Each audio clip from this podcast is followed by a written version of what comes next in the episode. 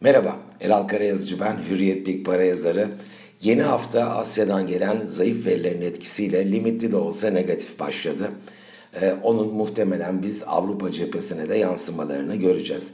Şimdi üç tane cepheye e, bugünkü değerlendirmede daha kapsamlı bakalım istiyorum. İlki borsa. Borsa önceki iki hafta toplam %6.2'lik bir değer artışına imza atmıştı ve 1351 puandan 1431 1435 puana kadar yükselmişti. Geçen hafta hız keserek de olsa bu artış sürdü. %0,9'luk bir artış gördük ve endeks 1447 puana ulaştı. Toplam 7.2'ye yakın bir artış 3 haftalık bir kesitte. Şimdi bu devam eder mi? Hız kazanır mı? Ben geçen hafta da paylaşmıştım sizinle. Bir süre 1400-1450 gibi bir bandın içinde Borsa İstanbul'un yatay seyretmesinin daha olası göründüğünü düşünüyorum. E, bunun da aslında en önemli nedeni Amerika'da artık e, tapering dediğimiz varlık alımlarında kesinti kararının yaklaşmakta oluşu.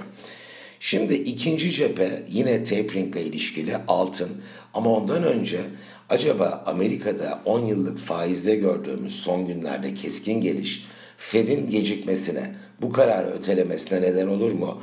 Buna bir kafa yoralım çünkü bu kilit her yeri de etkiliyor. Ben açıkçası çok bir gecikme işareti görmüyorum. Neden? Ağustos bütününe baktığımız zaman evet Amerika'nın 10 yıllık tahvil faizi sadece 2,5 bas puan yukarıya gidebildi.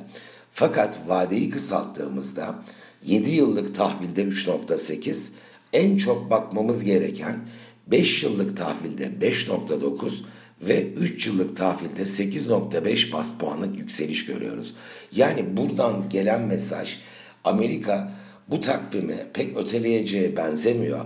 Ama Amerika varlık alımlarını e, bitirdikten sonra, sıfırladıktan sonra bir süre bekleyip faizleri de daha normale yakınsayan bir düzeye çıkaracaktır.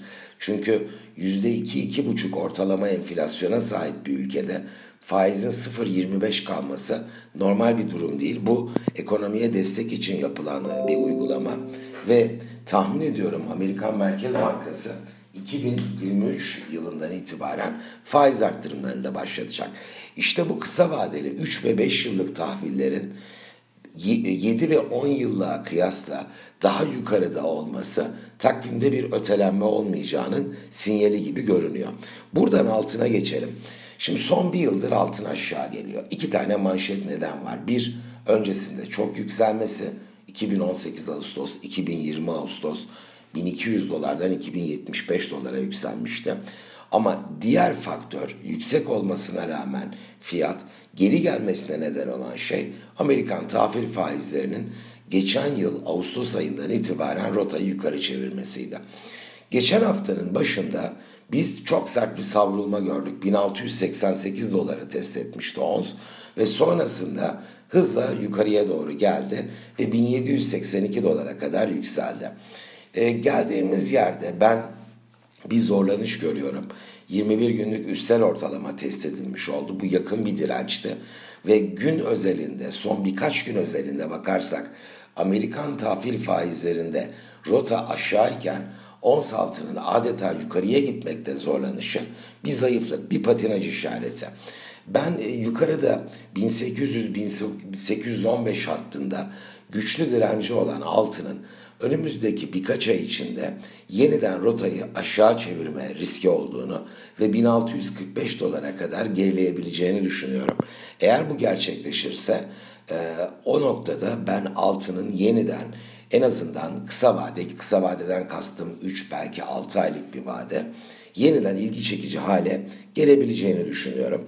E, buradan da Euro'ya geçelim. Hep dolar konuşuluyor. Ön planda o var. Ama Euro Türk Lirası cephesinde de ilginç gelişmeler var. Şimdi 31 Mayıs itibariyle o yılın 5. ayını noktalarken Euro Türk Lirası'na karşı 10.70 düzeyindeydi. Şu anda 10.04 görüyoruz. Dikkate değer bir geri çekilme oldu. Bunda hem Türk lirasının son iki ayda bir parça yara sarması etkili hem de euro dolar paritesinin aşağı gelmesi etkili. Çünkü biz aynı tarihte Mayıs sonunda 1.22.68 görmüştük. Şu anda 1.17.90 euro dolar ve %4 kadar bir geri çekilme oldu dolara karşı. Peki diyeceksiniz madem e, Amerika'da bir tapering kararı yaklaşıyor, pek de ötelenmiyor gibi görünüyor. E, dolar Euro'ya karşı üstünlüğünü sürdüremez mi?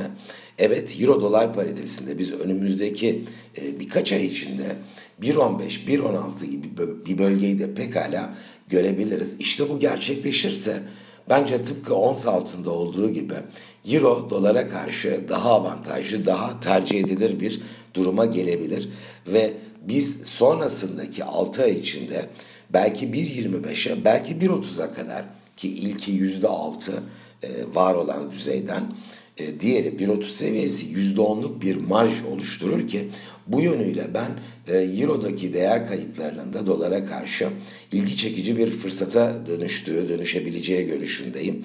Türk lirası bazında bakarsak da 9.80 civarının ben önemli bir destek olarak ön planda görülebileceğini düşünüyorum.